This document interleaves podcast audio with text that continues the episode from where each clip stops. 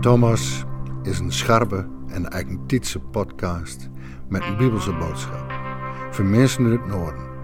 In de Stiefke Tierke kreeg van Domi PK een derde weekse podcast mini-preek met goede muziek. Thomas wil behulpzaam worden bij het leren kennen en het navolgen van de man van Nazareth.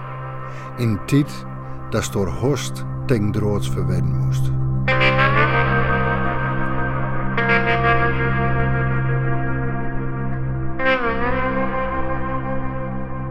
Het begon vorige week allemaal met de hashtag Ik doe niet meer mee. Een aantal bekende Nederlanders, waaronder Thomas Bergen, Bissy en Famke Louise, gaven aan helemaal klaar te zijn met de coronamaatregelen. Ze willen niet meer zonder kritiek meedoen met het beleid van de overheid. En zo ontstond een heuse mediarel die iets liet zien van de groeiende onvrede over de coronamaatregelen.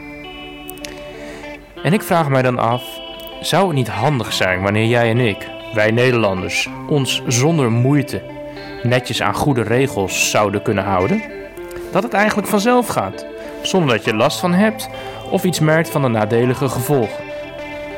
In deze podcast ga ik je vertellen hoe je je zonder moeite aan goede regels, geboden en verboden kunt houden. Het geheim wat daaronder ligt is liefde. Liefde voor God, je naaste en de schepping.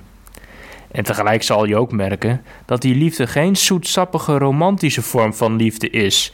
Het gaat namelijk over een vorm van liefde die verder gaat dan alleen dat doen wat van je gevraagd wordt.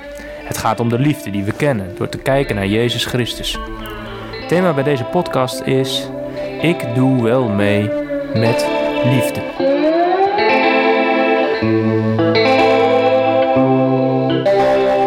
Bibeltekst in het Westerkwartiers. Romein 13, versen 8 tot en met 10. Zorg ervoor dat geen een wat van jou te goed heeft, behalve dan de liefde, die jou een kander schuldig bent. Wel of van zijn noorste holt, die het aan de wet voldoen. Alle geboden, niet ontrouw weten, niet doodslogen, niet stelen, niet begeeren, en wat voor geboden er ook nog meer ben, kun je onderbrengen bij deze opdracht. Doe zelfs die noorste, krijg zo lief hem als zelf. Liefde doet de noorste geen kwoord. Daarom voldoet liefde aan de wet. Wees elkaar niet schuldig behalve liefde, want wie de ander lief heeft, heeft de hele wet vervuld. Dat is een uitspraak van apostel Paulus die je terug kan vinden in zijn brief aan de Romeinen. Wat je moet weten is dat Paulus in de eerste eeuw na Christus de eerste persoon was die het evangelie buiten de landgrenzen verkondigde. En dat deed hij ongeveer zo. In steden als Athene en Efeze ging hij naar het gebedshuis van de Joden en ging met de mensen daar in gesprek. Volgens Paulus waren alle beloftes van God in het Oude Testament met de dood en opstanding van Jezus Christus namelijk in vervulling gegaan. Jezus Christus is de beloofde Messias. Soms namen ze zijn boodschap aan, maar vaker ook niet. En in dat geval ging Paulus het gesprek aan met de niet-Joden in de stad. En dan ontstond er vaak zoiets als een gemeente van volgers van Jezus met Joden en niet-Joden. Maar nu is er iets bijzonders aan de hand. In Rome zijn namelijk verspreid over de stad meerdere christelijke gemeentes die hij niet zelf heeft gesticht. En die zijn ook niet ontstaan vanuit dat gesprek in de Joodse gebedshuizen. Paulus schrijft deze brief dus vooral om die verschillende groepen in Rome, van zowel Joods als niet-Joodse gelovigen, met elkaar te verbinden. Maar Paulus wil die onderlinge verbondenheid natuurlijk ook versterken met een duidelijk doel. Hij wil namelijk graag dat de christenen in Rome samen het evangelie van liefde uitstralen in de stad waar ze wonen. Op die manier kunnen zoveel mogelijk mensen Jezus Christus leren kennen. En dat lukt natuurlijk niet als iedere christelijk clubje in de wijk vooral met zichzelf bezig is. Paulus heeft het in deze brief daarom over wat een aantrekkelijke kerkdienst is om mensen buiten de kerkmuren te bereiken. Een goede kerkdienst is volgens hem het leven van jou als gelovige van maandag tot en met zaterdag. Dus niet de zondagse samenkomst, maar wie jij door de weeks bent, wat je uitstraalt. Dat is een laagdrempelige en aansprekende kerkdienst. En wat je daar volgens Paulus voor nodig hebt, is liefde voor God, je naaste en de schepping. Om het duidelijk te maken met een voorbeeld uit deze brief, de inwoners van Rome konden op het marktplein nogal klagen over de plaatselijke overheden en alle nadelige maatregelen. En daarvan zegt Paulus, nou, doe daar niet aan mee, doe niet mee aan dat geroddel en loop door. Heb respect voor je machthebbers en betaal gewoon netjes de belastingcentjes. Niet uit slaafse onderdanigheid of zo, maar uit liefde. Zo beantwoord je en overwin je het kwaad met liefde. Ja, als je zo leeft, gaat natuurlijk opvallen. En zet je mensen, zowel de overheden die jou onderdrukken, als de mensen die over hen klagen, aan het denken. Ik doe wel mee met liefde. En daarmee zijn we weer bij wees elkaar niet schuldig, behalve liefde. Wanneer je God, je naaste en de schepping lief hebt, houd je je als vanzelf aan regels, afspraken, geboden en verboden. Je kunt en wilt simpelweg niet anders. Dat klinkt natuurlijk mooi. De liefde die vanzelf gaat, die van binnenuit komt. Maar dat is geen zoetsappige of romantische vorm van liefde. Die stopt wanneer jij er niets meer bij voelt. En dat heeft te maken met de inspiratiebron van Paulus, namelijk Jezus Christus. Die had God, zijn naaste en de schepping perfect lief. Maar dat bleef hij ook doen toen mensen hem gingen haten, martelen en hem aan een martelpaal hingen. Ook toen vergaf hij zijn vijanden en ging hij voor hen in gebed. Dat is een vorm van liefde die het uiterste van je vraagt.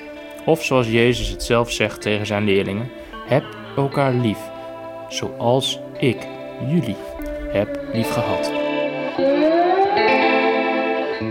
Maar wat bedoelt Paulus nu eigenlijk met dat vervullen van de wet? Met de wet bedoelt Paulus hier de samenvatting van de eerste vijf boeken van wat wij het Oude Testament noemen. En de samenvatting van die vijf boeken, dat zijn de tien geboden. Die kan je alleen houden of vervullen vanuit de liefde. Want vanuit liefde komt het volgen van Jezus en de gehoorzaamheid aan God de Vader van binnenuit. En is het meer dan een regel die van buitenaf wordt opgelegd en die je dan met tegenzin, frisse tegenzin, volgt. Het christelijk geloof is meer dan een set regels, waar je je dan met die frisse tegenzin aan moet houden. En zo wordt het christelijk geloof binnen en buiten de kerk soms ook beleefd. Je bent christen wanneer je bepaalde dingen vooral niet doet. Ja, natuurlijk, er zijn geboden en verboden die horen bij het volgen van Jezus. Maar het gaat juist dieper. Het gaat niet alleen om wat je wel en niet doet, maar het gaat om wie je bent, je identiteit. Het gaat om liefde richting God, je naaste en de schepping. En die komt van binnenuit, van wie je bent.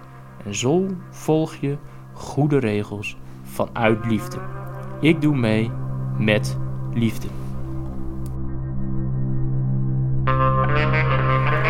Maar hoe houd je dat vol en waar haal je die liefde vandaan? Hoe kan je het goede leven vanuit liefde leven? Hoe kan je altijd gehoorzaam zijn aan God de Vader en Jezus trouw volgen? Wat je daarvoor moet weten is dat het goede nieuws van Jezus Christus meer is dan alleen het goede advies om lief te hebben. Het blijft niet alleen bij een onnavolgbare oproep om lief te hebben. En als het je dan niet lukt, hey, succes ermee en de volgende keer gewoon iets harder je best doen. Je zult merken, dan loop je vast. Maar het goede nieuws is dat het volgen van Jezus van begin tot het eind een geschenk is van Hemzelf. Zijn perfecte liefde richting God, zijn naaste en de schepping, dat deed Hij ook in plaats van jou en voor jou. En dan niet alleen, Hij wil die manier van leven ook aan jou geven, door Zijn Heilige Geest in jouw hart en leven neer te leggen. En daardoor ga je steeds meer op Hem lijken. Als je God vraagt of Hij die geest aan jou wil geven, kan je God en je naaste liefhebben. Dan volg je goede regels, binnen en buiten het geloof, niet omdat het nu eenmaal moet, maar vanuit liefde. Alleen dankzij Jezus Christus en Zijn geest kan je volhouden vanuit liefde en kan je blijven zeggen: Ik doe wel mee met liefde.